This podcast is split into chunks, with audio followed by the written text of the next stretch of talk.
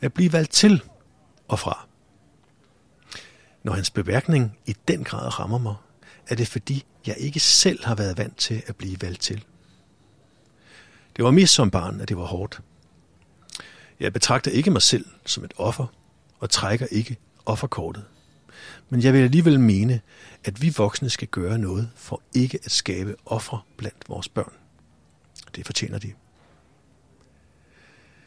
I min barndom var klassikeren at vælge hold til for eksempel fodbold. Træneren valgte som regel de to bedste drenge, der på skift skulle sætte deres hold. Det var klart, at alle ville have de bedste spillere, så der blev taget fra øverste hylde og ned. Selv var jeg i den nederste fjerdedel. Det blev mere og mere ydmygende efterhånden, som vi var færre og færre, der stod tilbage. Det var et udskillelsesløb i gang. Og håbet var, at man trods alt ikke blev den sidste. For nu er der ikke længere øh, tale om tilvalg, men om fravalg. Det kan sikkert lyde banalt for nogen at beskæftige sig med den slags formaliteter. Herre Gud, det er jo bare en flok børn, der gerne vil spille fodbold. Men når man er blandt dem, der som udgangspunkt ikke bliver valgt, sker der noget i børn. Og helt sikkert også i voksne. For vi mennesker har et grundlæggende behov for at tilhøre, for at være en del af fællesskaber. Det er noget af det, der gennem tiden har sikret vores overlevelse og givet os tryghed og succes her i livet. Og opretholdt troen på os selv. Jeg er helt sikker på, at fodboldtrænere ikke er onde mennesker. Men her har vi et eksempel på, hvad der sker, når vi ikke er bevidste om, hvad vi gør. Og selvfølgelig gør det en forskel, hvilken tid vi befinder os i, hvis vi skal forstå situationen. Dengang var der ikke så meget fokus på trivsel og den slags. Men når vi ikke er bevidste om vores liv, vores beslutninger, konsekvenserne osv., har det nogle gange store konsekvenser for andre og for os selv. Som jeg ser det, er vi med situationen, jeg er ikke vant til at blive valgt til, langt inde i det motorrum, der hedder selvværd. For det er virkelig svært at opretholde troen på sin egen formåen, når omgivelserne vælger en fra. Altså helt systemisk. Og når det også bliver til fysisk adskillelse i to grupper, bliver problemet virkelig understreget. Dem, der bliver valgt til, og dem, der bliver valgt fra. Zoomer vi ud og begynder at kigge på os som voksne, kan vi nok alle sammen finde lighedspunkter med udvælgelsen til fodboldhold. Eksempel.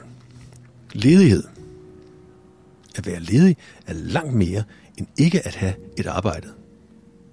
Det handler om hele vores identitet, om vores selvforståelse. Hvis jeg er til et selskab med fremmede, vil det første eller andet spørgsmål næsten altid være, Nå, hvad laver du så? Der er ikke noget galt med spørgsmålet. For faktisk er det netop det mest nærliggende spørgsmål, vi kan stille til fremmede. Fortæl mig, hvad du laver, og jeg skal sige dig, hvem du er. Men hvad nu, hvis man er ledig? Så laver man ikke noget per definition. Og så kan det være virkelig svært at have en almindelig samtale med andre. Derfor er det altid en god oplevelse at lægge ud og spørge om noget helt andet end arbejde. Og se, hvor længe man kan have en god samtale kørende, uden at tale arbejde. At have et arbejde er at blive valgt til. Ikke at have et arbejde er at blive valgt fra. Nogen har valgt mig til, eller fra. Vi er ude af et meget, øh, øh, vi er ude af et meget betydningsfuldt fællesskab. Et fællesskab, der strækker sig langt ud over selve arbejdspladsen, kollegaer og den slags. Faktisk helt ud til os selv som mennesker. Er vi det menneske, der blev valgt til, eller valgt fra?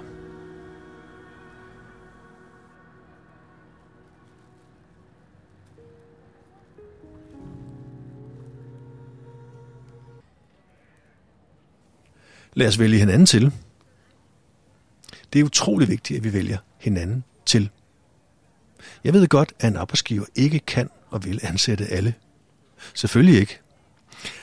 Og vi kan og skal heller ikke være venner med alle. Og der er heller ikke plads til alle danskere på fodboldlandsholdet. Forstå mig ret. Men det er min lavpraktiske erfaring, at der sker noget magisk, når nogen vælger os til. Det er som om alt bliver muligt, og man får energi, der er langt større end 10 dåser Red Bull. Det handler mest om at være bevidst om det. Selv de helt små tilvalg er betydningsfulde.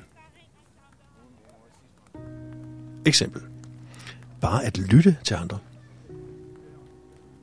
En god ven ringede en gang. Det var tydeligt, at han havde nogle ting på hjertet, han havde brug for at tale om. Jeg vedtog ret hurtigt, at jeg bare ville lytte. Og sikkert han talte. Måske et kvarters tid. Jeg sagde ikke et ord. Og faktisk var det ret interessant bare at lytte. Også fordi jeg ikke skulle bruge min opmærksomhed på at sige noget selv. Efter et kvarters tid afsluttede vi samtalen. Han sagde til slut, I, hvor er du god at snakke med. Jeg takkede, og vi lagde på. Jeg er sikker på, at han havde oplevelsen af at blive set og hørt, uden at blive afbrudt. At blive valgt til. Og det var også rigtigt.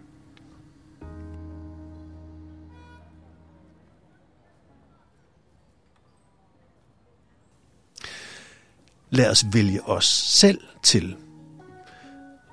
Sådan en som mig kan nemt glemme at vælge mig selv til. Så det var sikkert ikke uden grund, at jeg først foreslog, at vi skulle vælge hinanden til. Som jeg ser det, er der ingen øvre grænse for, hvor meget vi skal vælge andre til.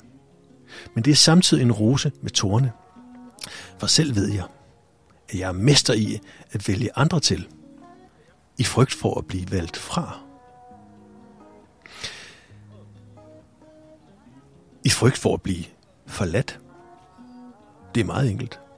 Sørg for at være imødekommende og venlig, og få andre til at føle sig tilpas. Så vælger de mig ikke fra.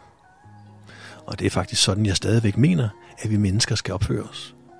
Men i dag er jeg opmærksom på, at jeg skal gøre det af de rigtige grunde. For der er nogle mennesker, der forveksler venlighed med svaghed. Og det er her, at det bliver vigtigt at være skarp på, om vi selv betaler for at blive valgt til. Jeg har som sagt gjort det i alt for mange år, og det holder selvværdet nede. Jeg kan kun tale på egne vegne. Jeg er i dag fast besluttet på at vælge mig selv til. Ikke på bekostning af andre, for der er kærlighed til alle. Og den gode nyhed er, at vi både kan øh, vælge os selv til og andre til. Det er hovedingrediensen i det gode liv.